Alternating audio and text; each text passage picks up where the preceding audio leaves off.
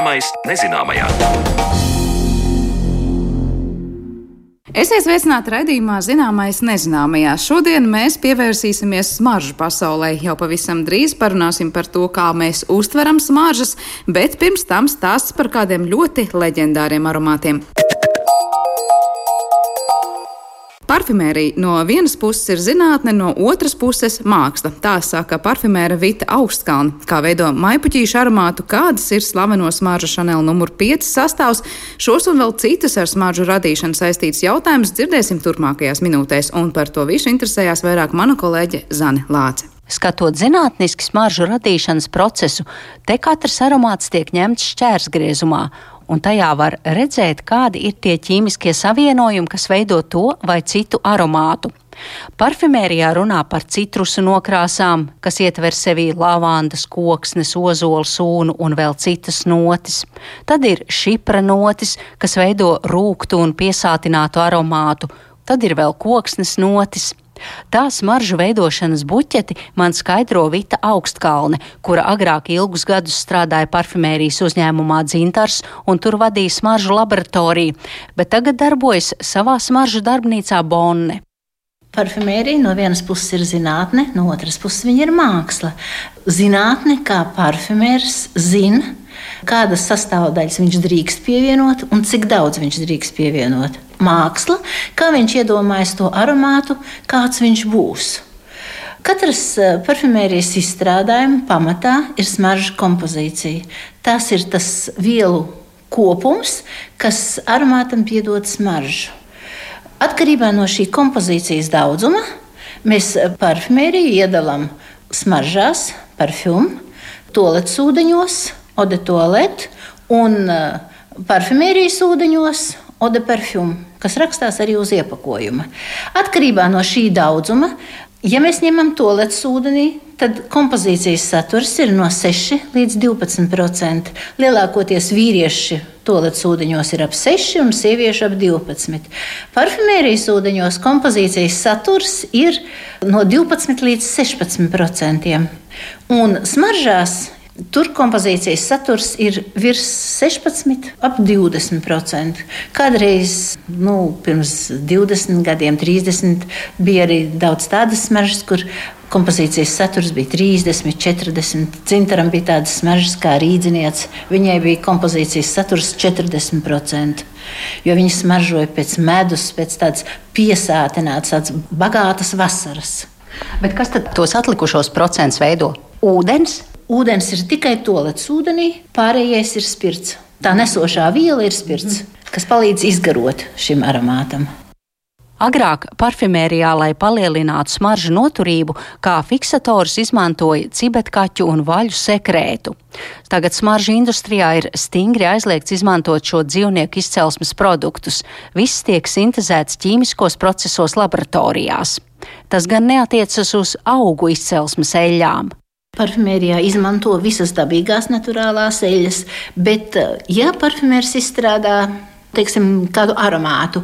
Viņam ir kritērijs. Pirmais, viņš ir iedomājies, kādu aromātu veidos. Otrs, kādā cenu kategorijā viņš strādās, kādi būs viņa līdzekļi, kā viņš drīkstēs, ko viņš drīkstēs izmantot. Un trešais, kādi būs normatīvie akti, ko nosaka dažādi likumdošana, kā viņš drīkst strādāt. Un, ja jūs jautājāt par eh, tām dabīgajām izēvielām, katru ēterisko eļļu var pārbaudīt chromatogrāfiski un sadalīt pēc sastāvdaļām. Un eh, šajā sastāvā ir ļoti daudz sintētisko izēvielu. Ja mēs paskatāmies tādu kā rožu eļļu, tad viņas galvenās sastāvdaļas ir geranēls, citranelols, feniletilspirts linalols, citrāls un eugenols. Viņas visas ir sintētiskās izēvielas. Bet, ja mēs iegūstam dabīgo eļļu, tad, tad viņa ir dabīga. Ja mēs gribam lētāku šo eļļu izgatavot, mēs ņemam komerciālo eļļu. Un viņai, teiksim, tās rožu eļļas nav simtprocentīgi. Viņai var būt kāds procents pievienots kādas no šīm ķīmiski radītām izēvielām. Tāpat var pievienot benzīlu benzoātu, jeb kādu šķīdinātāju, kas samazina šai rožu eļļai cenu. Tātad, jo vairāk izmanto dabīgas izcelsmes eh, augu eļļu, jo tas nosaka šīs smaržas eh, cenu dārgāku. Jā, tā tad šī eļļa ir dārgāka un kvalitatīvāka. Ja mēs ņemam lavandas eļļu, lavandas eļļu mēs varam tīru ņemt, mēs varam ņemt komerciālu lavandas eļļu. Kā šķīdinātāju tur var izmantot vai nu benzīlu benzoātu vai benzīlu salicilātu, kādu no šķīdinātājiem klāt. Jūs minējāt rozes un lavānas, kas ir nu, ļoti smaržīgi augi, bet kā tas ir, ja mēs runājam par pačūlijām, maipuķītēm, vetīverām vai no visiem šiem augiem var izspiest eļļu? Teiksim tā, maipuķīšu kompozīciju nevar iegūt no ziedlapiņām. Ja no rozes, jeb no ilangi langeļa mēs iegūstam tieši no paša auga, tad maipuķīte tā ir sintētiski veidota kompozīcija. Šajā kompozīcijā ieiet dabīgās eļļas un ieiet arī sintētiskās eļļas. Bet tās dabīgās, tās nav maipuķīšu eļļas. Tās ne, ir tā, citu tā, augu eļļas. Ja? Tādas pašas, tās tieši maipuķītes eļļas nav nemaz. Maipuķītē ieiet hidroksicitronēls, linelols, dimetilacetāls un fenilacetaldehīds. Tāpat katra no šīm kompozīcijām, ja mēs ņemsim violīšu kompozīciju, maipuķīšu, jasmīna kompozīciju, Katra no viņām satur kādu citu kompozīciju.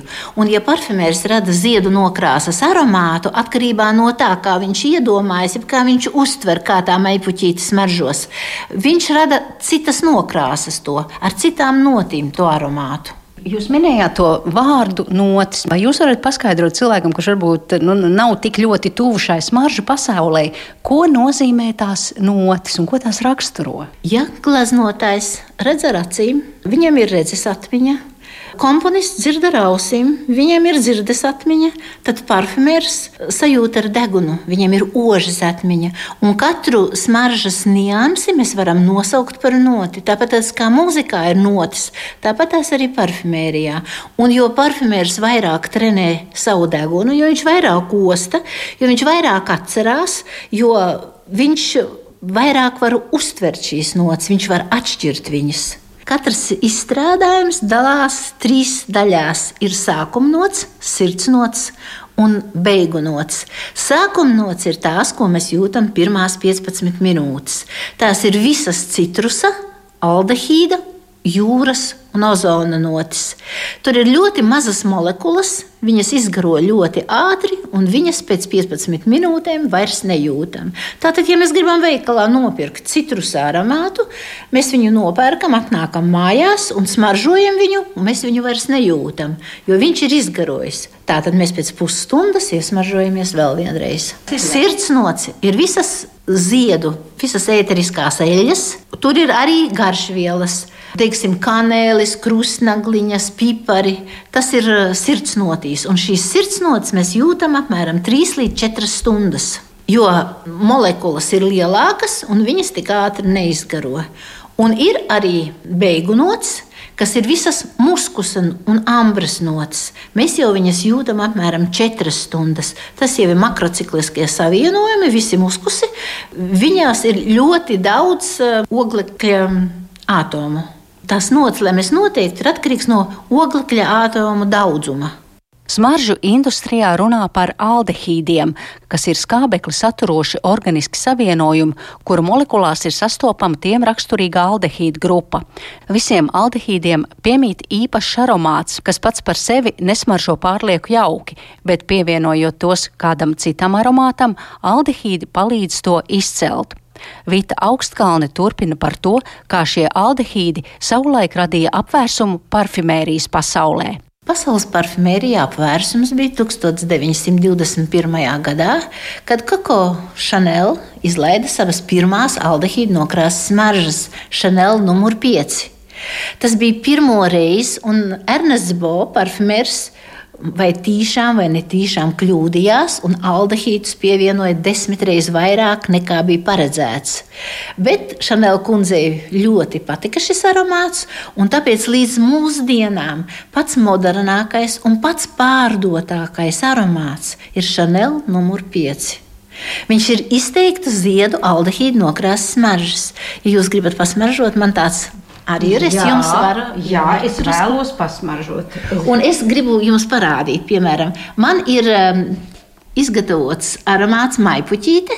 Un atsevišķi ir aldehīds. Es jums iedošu pasmaržot maipuķīti vienu pašu. Pēc tam mēs, mēs pievienosim viņam aldehīdu klāt un iedošu jums pasmaržot. Un pēc tam mēs pasmaržosim to šanelu numuru 5, lai apmēram jums būtu skaidrs, kā kas smaržo. Jo parfumērijā lieto izēvielas, kas nav tikai patīkami, jo visi muskusi ir ļoti piesātināti, viņi ir samērā rupji, uzbāzīgi, ar nepatīkamām notīm. Un tāpēc, ja parfumērs izstrādā pamatnotis, kas ir to pamatu, sirdi, tad viņš pievieno tos muskusus. Un, lai tos muskusus nomāktu, ir jāpieliek tie sākuma notīs, vai nu tie aldehīdi, vai kaut kādi citrusi, to, lai radītu to pirmo iespaidu patīkamāku. Es tos esmu samērkus, un tagad es te maipuķītei pievienošu klāt nu, to aldehīdu. Un pasmaržosim, kā viņa smaržo. Liekas, tas aldehīds nepatīkami smaržo. Viņš ir augsts, metālisks, ar tādām varbūt nedaudz vīrišķīgs. Un tā kā pieliek vienu pilienu to aldehīdu, un tad aromāts atraisās, viņš pilnīgi uzplaukst, uz, izzied. Tā, tagad tā, mēs tagad pasmaržosim. Tā, jūs esat nolikusi trīs uh, smaržu paraudzi, četrus. Četrus, jā. četrus. Es jums iedošu maipuķīti pasmaržot. Ļoti tāda sintētiska maipuķīta. Koncentrēta tāda. Nu, Nav tā tas- kā dabā. Nē, nu, protams. Jā. Jo tas ir. eh, Jūs tagad ostat spirta šķīdumu pie tam. Mm Mhm. -hmm. Jūs neostat mm -hmm. teiksim, kompozīciju. Jūs ostītu kompozīciju, mm -hmm. tad viņa būtu vēl koncentrētāka. Tagad es jums iedošu paostīt aldehīdu. Augsts, metālisks. Liek domāt par seniem laikiem, par vecu pūderi kundzītēm gados Nu, operā. Nu, jā, nu varētu mm -hmm. būt. Viņam ir tāda metāliska, tāda mm, mm. sausa nots. Viņš ir tāds sauss. Ir. Ja tagad jūs paostītu, šeit ir maipuķīte, kurai pievienots aldehīds. À, daudz maigāk nekā tā pirmā ma- maipuķīte. Jā, bet viņa Tā ir pirmā- tāda, nu, viņa vairāk pēc zieda, viņš to ziedu izceļ. Tas. Tā pirmā maipuķīte man, kā saka, pat atbaidīja. Nu, viņa bija pa daudz no tā tāda smagnēja. no tā. Un tagad Jā. Es gribu, lai jūs pasmažojiet Chanel numur 5. Nu, tas ir variācija uz to tēmu, lai saprastu, kādas tās smaržas ir. Pūderis. Bet viņas ir metāliskas, tādas pūderiskas, Tiešām tā kā- ziedi, bet tādi. Tāds vecs pūderis, bet labā nozīmē. nu, tādas sievišķīgas, sievišķīgas. Viņiem tur arī vaniļu var just, tur var ziedus just. Es laikam pats sev nesmidzinātu, es neesmu šanēla piekritēja, bet šādi pasmaražojot. Bet, ziniet, uzreiz tās asociācijas raisās. Nu, laikam, tur ir tā māksla, ja, parfimēra. ka Es uzreiz redzu, es nezinu, neesmu bijusi Parīzes operu pagājušā gadsimta sākumu. Nu, tā- tērptas dāmas ar pērlēm. Tā tas varētu būt. Par smaržu radīšanu parfimērijas industrijā stāstīja parfimēra smaržu darbnīcas Bonne vadītāja Vita Augstkalne, un ar viņu sarunājās mana kolēģe Zāne Lāce. Bet par to, kā uztveram smaržas sarunas studijā raidījuma turpinājumā.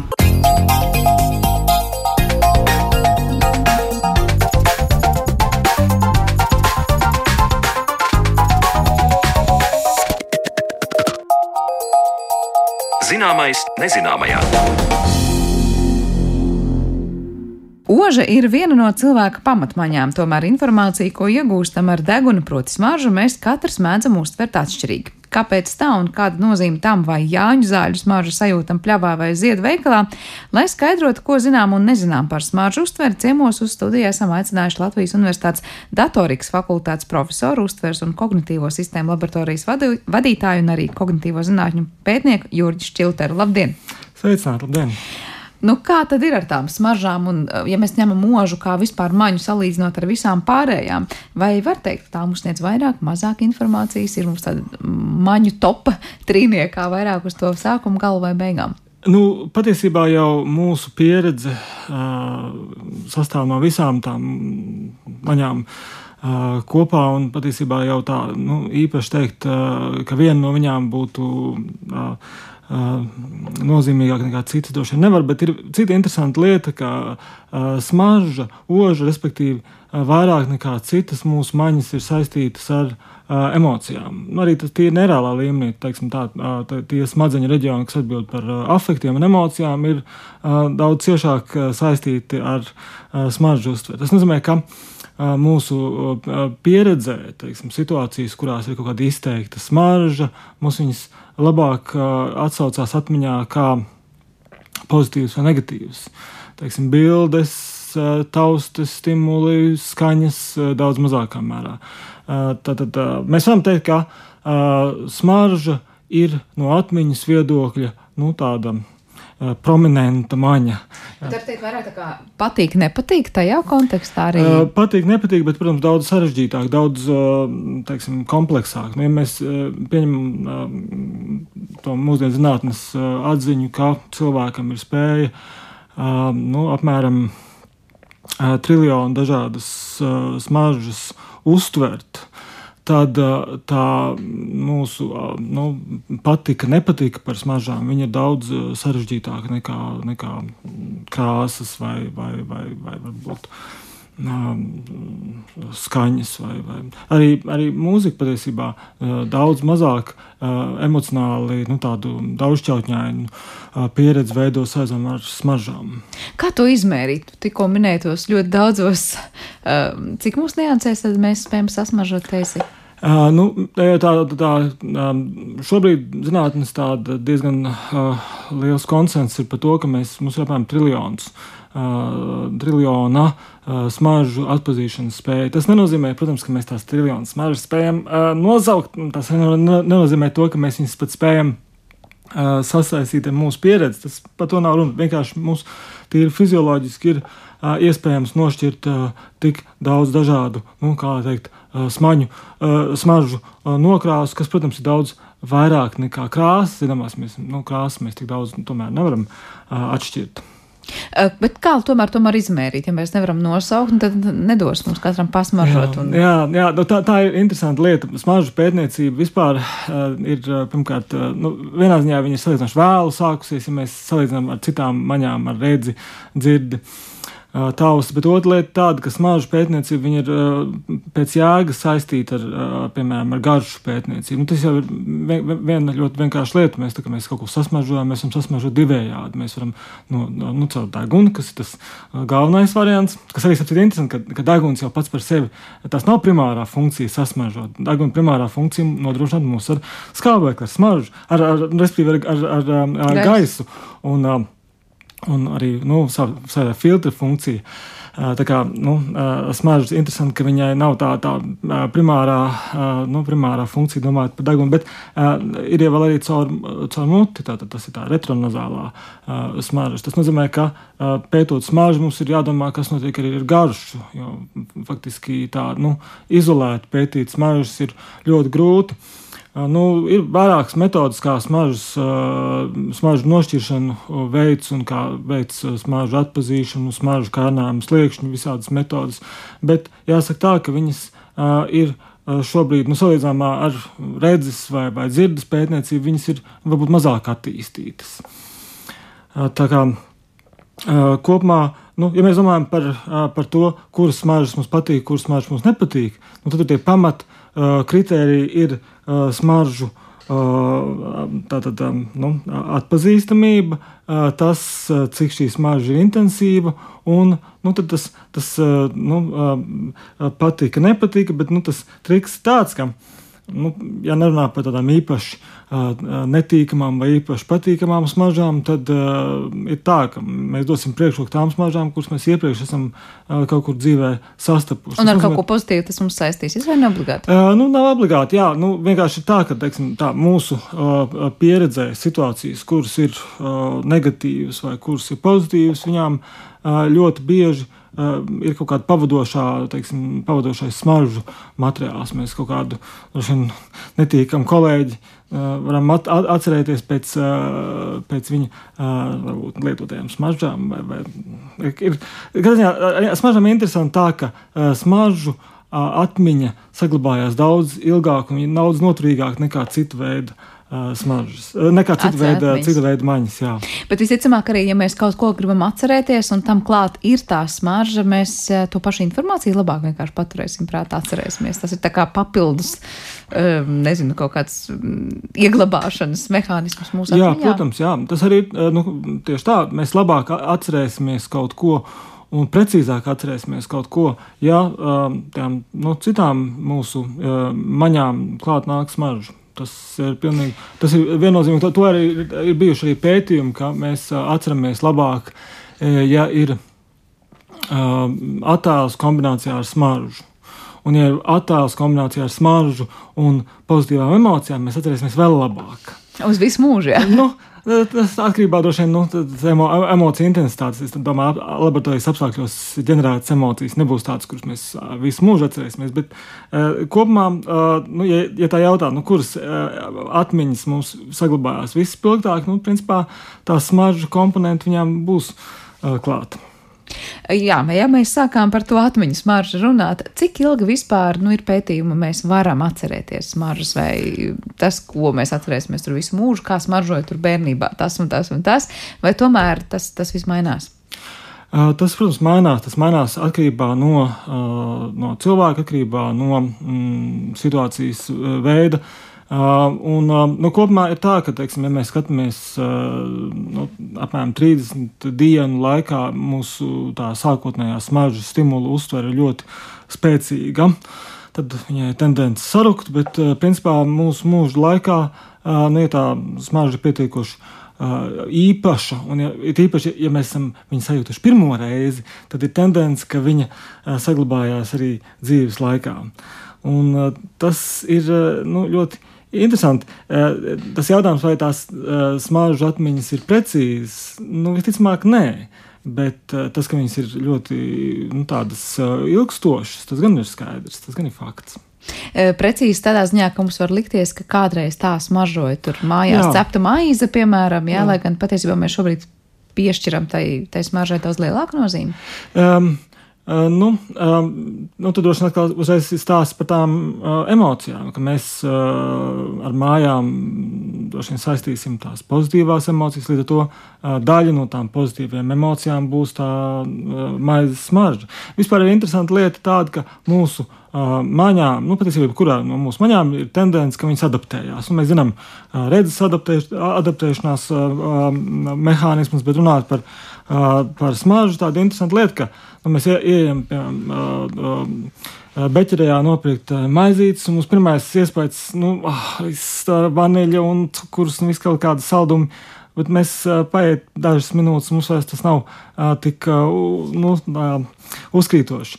Tas ir, ir viena lieta, kas notiek ar smaržu adaptāciju, bet otra lieta tāda, ka iedomāsimies, ka katra mūsu māja, nu, mājoklis, viņam ir sava specifiska smarža, un arī, arī bērnības mājoklī arī ir kaut kāda īpaša smarža, un mēs, mēs adaptējamies. Tad, vienmēr, kas notiek, ja mēs aizbraucam nu, tā, pāris nedēļas atvaļinājumā, atgriežamies un mēs sajūtam to specifisko, unikālo smaržas noti, kas raksturo mūsu mājokli, piemēram. Vai arī nu, cits stāsts no uh, smaržu uh, meistaru ikdienas. Nu, piemēram, ja mēs uh, ikdienā nesājam kādas vienas, uh, kādu vienu aromātu, uh, tad uh, nu, pēc kāda nu, laika var, varbūt mēs vienkārši nejūtam viņu. Mēs, mēs varbūt cilvēki mums apkārt sajūt ļoti spēcīgi, bet mēs, mums tā izstrādājusies tā. Um, nu, habituatīvā adaptācija, tā viņa tehniski sauc. Uh, tas nozīmē? Tas nozīmē to, ka uh, mēs vienkārši mūsu tās ikdienas darbības saužās kopā ar to smaržu. Nu, Tāpat kā mēs pierodam pie, pie stiprākas, stingrākas kurpes, vai mēs pierodam pie augstākas vai siltākas telpas, tad mēs pierodam pie smaržām. Bet tam smaržām tā īpatnība tāda, ka viņi ir atgriezenisks, tas efekts ir atgriezenisks. Ja mēs, piemēram, kaut kādu smaržu, kas mums ir pilnīgi, mēs viņu ne, nejūtam, tāpēc, ka mēs esam gadus, divus viņu lietojuši un piepieši mēs varbūt pāris mēnešus nelietojam. Mums, at, mums atgriežas tās spējas šo smaržu uh, uztvert. Kā tur sanāk? Parasti jau saka, ja tās smaržas ir tavējās un īstās un labās, tev piemērotās, tu pats arī jau sākumā īsti viņas nejūti, bet visi apkārtējie jūt. Liekas, nu kā tas var būt, kad blakus cilvēks sauž un, un es pati nesa, nesajūtu tās smaržas, kas ir Nu, pašai. Nu, tas ir kā nevarētu būt, jo jebkurām smaržām tas tā, tā nu, sajūšanas eh, intensitāte sarūk uh, nu, laika gaitā. Un runāt par smaržām, nu, tā ir tā, tā, tas, tas uh, ilgākais efekts, un tas ir kaut kādi nu, pāris mēnešu intensīva lietošana. Mēs jau to, mēs tā smaržā esam uh, pieraduši, un mēs nejūtam viņas intensitāti. Smaržas intensitāte arī ir interesanta lieta, jo patiesībā dažādām smaržām uh, intensitāte izpaužās, uh, intensitātes saistība ar patiku izpaužās ļoti dažādi. Piemēram, nu, mēs, mums šim patiks uh, intensīva, bet ne pārāk intensīva rožu smarža. Teiksim, viņa būs pārāk intensīva, ka mums viņu varētu, varētu, uh, uh, sākt galvu sāpēt. Uh, Tad pašā laikā, nu, piemēram, svaigu zivju smaržu, nu, viņa pavisam, ne, pavisam neliela, mums varētu šķist tīri ok, tīri laba. Savukārt, pieaugot intensitātei, nu, droši vien, ka nepatīk. Tā kā tā smaržu intensitāte arī, arī vēl tāda. Nu, pētniecībā ir interesanta tēma, jo dažādu smaržu gadījumā viņa izpaužās atšķirīgi. Smaržu intensitāte ir ļoti uh, atkarīga no konkrētās smaržas. Uh, un, un, un arī, protams, konkrētā konteksta. Kāpēc notiek tāda smaržu pētījuma? Kāds ir tas pielietojums? Uh, nu, es teiktu, tā uh, ir um, ļoti daudz dažādu jomu, uh, kurā, kurās šie pētījumi tiek izmantot netieši. Un, teiksim, viena lieta ir tā, ka izma, zinot, saprotot, kuras smaržas cilvēkus ietekmē emocionāli pozitīvi, skaidrs, ka ar mums var manipulēt. Piemēram, iedomāsimies lielveikalu lietotāju, lielveikalu, lielveikalu pircēju, viņiem var ļoti meistarīgi manipulēt, izmantojot smaržas arī, arī viesnīcās, arī daudz kur citur. Ja ir kādas smaržas, kuras pēc noklusējuma izraisa pozitīvu efektu, tad taču to var, var industrijā darboties. Tas ir viens otrs pārtiks industrija. Pārtiks industrija un patiesībā garšas pētniecība diezgan daudz uh, ir izpētījusi un diezgan daudz zina par to, kas notiek ar, ar, ar mūsu garšas receptoriem uz mēles, bet jautājums, kas notiek ar garšas un smaržas miedarbu, tas ir mazāk izpētīts. Protams, arī runāt par krāsu, un, un, un formu un, un, un skaņu. Tās visas ir lietas, kas šobrīd ļoti aktīvi tiek pētītas uh, uh, garšas uh, pētniecības nozarē un pārtiks industrijā. Tā kā, nu, šīs vismaz divas tādas, teiktu, tā divas uh, jomas, kurās uh, smaržu pētniecība ļoti aktuāla un mūsdienās, un, protams, uh, arī virtuālās realitātes pētniecība un virtuālās realitātes simulācija ir, ir joma, kurā smaržas ir, ir ļoti būtisks jautājums. Jo, nu, iedomāsimies, ja mēs varam simulēt bildi, uh, nu, mums vajag varēt kaut kā arī ar citām, nu, tām, teiksim, tausti un, un, un, un, un, un, un un uh, arī, arī uh, smaržu. Nu jā, ja to bildi nosimulēto papildina ar ļoti precīzi atrastu vajadzīgās intensitātes un, un, un kompozīcijas smaržas, tad, protams, tā noticēšana droši vien ir vēl izteiktāka tam visam. Ja mēs runājam par to vidi, kurā sasmaržot kaut ko, nu tagad, piemēram, domājam, aktuālajā vasaras laikā, vai, piemēram, pļavā, ja mēs sasmaržojam kaut kādas pļavas ziedus, nu, vai jāņu zāles vai ko tādu, un ja mēs tieši tos pašus tagad ziedus noliktu kaut kur veikalā, Ziedveikalā, piemēram. Mums mainītos tas, kā mēs sajūtam šīs Jāņu zāles pļavā un kā veikalā. Uh, nu, protams, jā, vienīgais, ka mums būtu kaut kāda asociatīvā sa saistība ar to Jāņu pļavu, ar, ar to situāciju. Bet uh, tas, uh, tā atslēga šeit ir tā sākotnējā mūsu pieredze. Ja mūsu sākotnējā pieredze nebūs Jāņu pļava, tad mums arī tā uh, pozitīvā asociatīvā uh, saite neradīsies. Viņi var būt negatīvi, viņi var būt nekādi. Nu, um, tā jau ir tā diskusija, vai ir iedzimtas smaržas. Nu, viss, ko mēs šobrīd zinām, liecina, ka smaržas veidojās asociatīvās mācīšanās rezultātā. Mēs, Visas pilnīgi, ja? Nu, gā, es teiktu, tā, gandrīz visas. Nu, vienkārši interesanta detaļa ir tā, ka vēl pirms cilvēks nācis pasaulē, tad, respektīvi, vēl nu, mātes miesās, mēs uzturam smaržas. Un nu, ir pat pētījumi, ka pat sešus mēnešus pirms nākšanas pasaulē tas nu, smaržu uztveres mehānisms darbojās. Tāpēc jau ir tā, ka nu, tā tad, uh, ja māte uzturās eh, noteiktās, noteikti smaržu um, vidē, tad ir tendence, ka tam bērnam ir priekšroku šādu veidu smaržām. Tas ir viens no iemesliem, kāpēc kultūra specifiski atšķirās smaržas. Tas nenozīmē, ka kaut kādas nu, iedzimti gēnos kodēta smaržu informācija, kas ir atsevišķām kultūrām specifiska, bet vienkārši tas, ka nu, tad, tad laiks pirms nākt pasaulē, viņš jau ir tāds no uztveres viedokļa ļoti aktīvs. Nu, arī ar dzirdi īstenībā līdzīgi. Tā kā sajūtam, sadzirdam, sagaršojam droši vien daudz ko. Eh, tas ir arī saistīts ar to, kāpēc ehm, grūtniecības laikā ļoti intensīvi un izteikti uz sāsnāt uz smažām sievieti rēģē. Jā, nu tas, teiksim tā, vai eh, bērna eh, smaržu preferences ir saistītas ar, ar, ar mātes smaržu, nu, tā teikt, intensitātes pieaugumu. Nu, visticamāk, jā, bet nu, tas varbūt ir tā mazāk izpētīts. Uh, ir skaidrs, ka kopumā, pat neatkarīgi no grūtniecības, uh, sievietēm ir uh, nu, tomēr salīdzinoši labāka smaržu uztvere.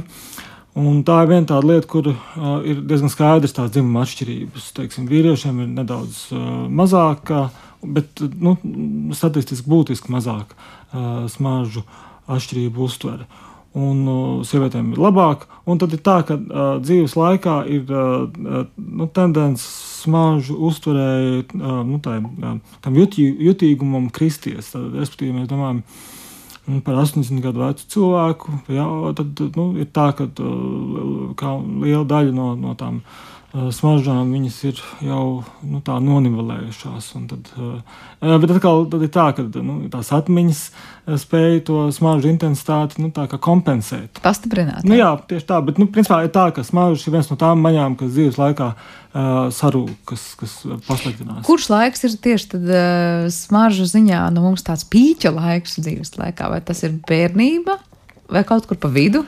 Um, nu, um, es teiktu, tā 20, 30, 40. Uh, apmēram tas ir tas vecums. Un tad, tad ir tendence nedaudz, nedaudz sarukt. Un tad, nu, ja mēs skatāmies, tad nu, 70, 80 un vecāki. Tad, tā, tas, tas, um, tā līkne vēl vairāk krītās.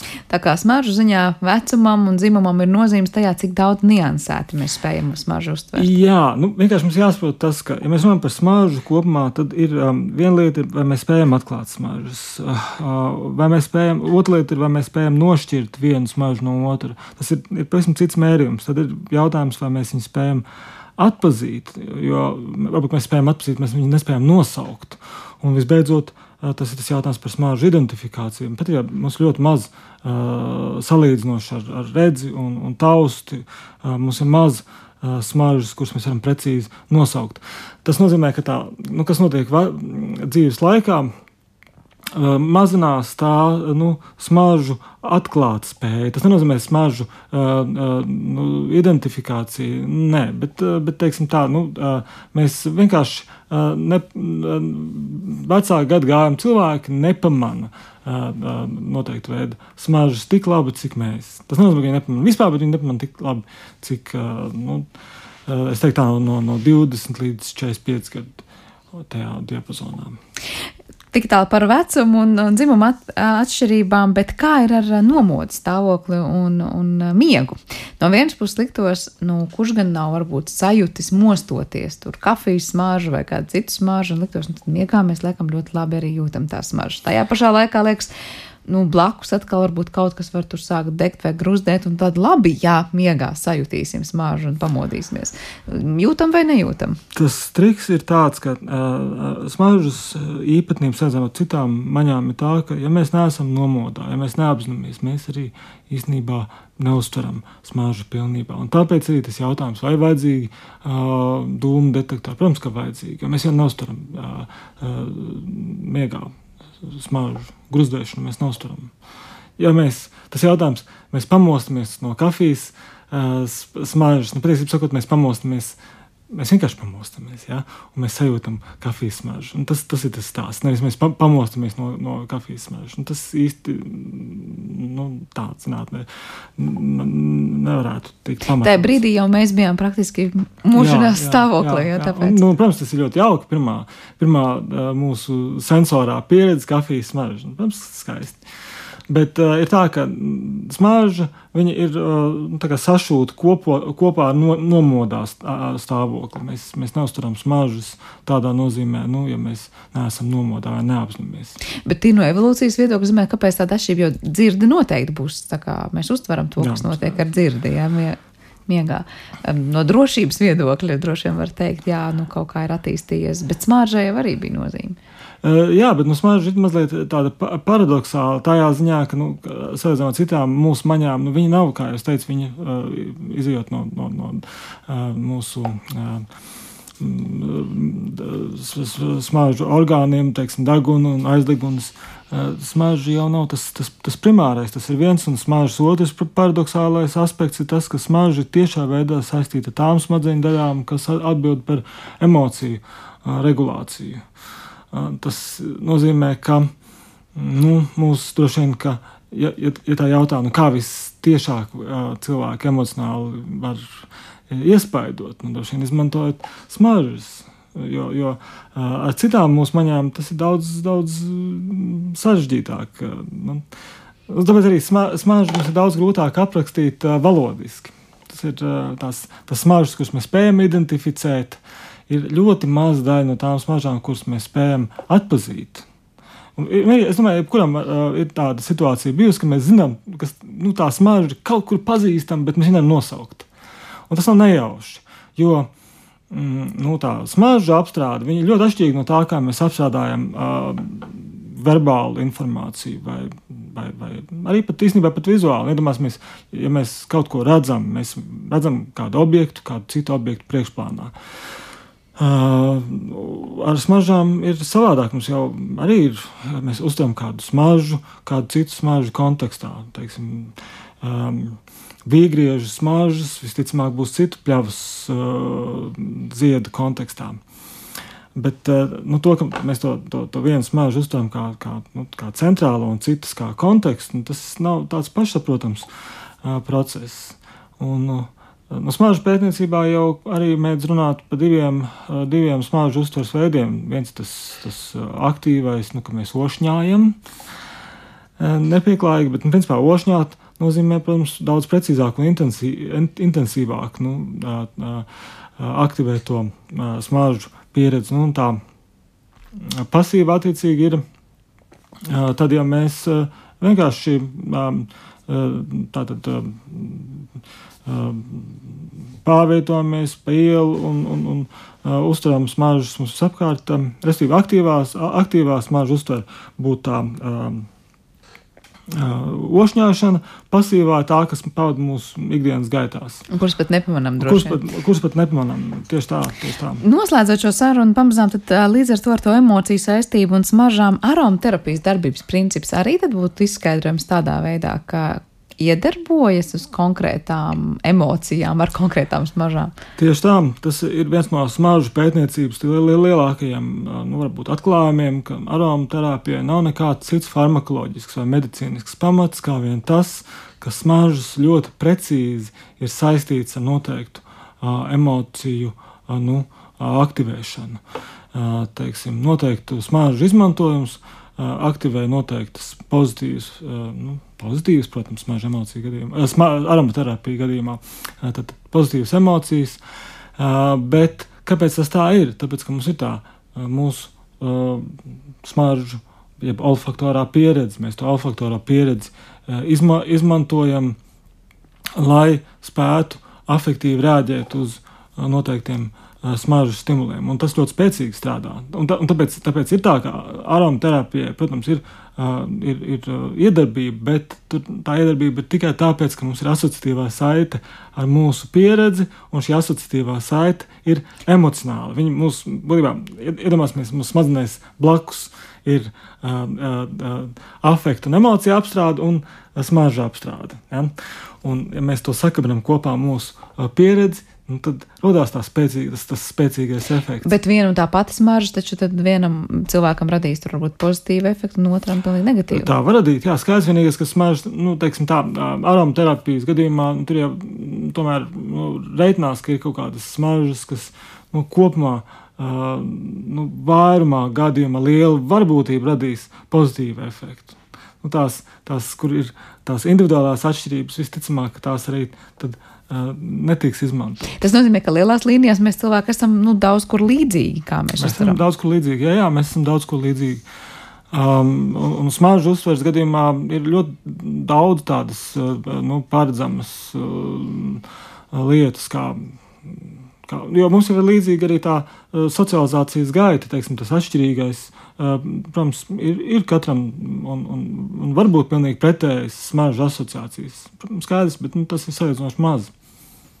Tā kā interesanti, ka no vienas puses kaut kas ļoti, ļoti individuāls un katram atšķirīgs ir tā smarža, uztver atmiņu un sasaist un emociju piesaist tam visam, un tajā pašā laikā lielās kategorijās mēs tomēr daudz kur esam ļoti līdzīgi. Jā, interesanti tāda smaržu pētniecība un ar to saistītie jautājumi. Paldies par ieskatu tajos. Teikšu mūsu šīs dienas raidījuma viesim Latvijas Universitātes datorikas fakultātes profesoram, uztvers un kognitīvo sistēmu laboratorijas vadītājiem, kognitīvo zinātņu pētniekam Jurģim Šķiltram. Ar to arī raidījums ir izskanējis un par to parūpējās producents Armīta Kolāte. Mūzika šajā stundā bija ģirta bišu pārziņā, skaņražajā bija Nora Mitspapa un ar jums kopā šeit es Sandra Kropa. Mēs tiekamies jau atkal rīt, lai mums visiem veiksmīga un jauka diena.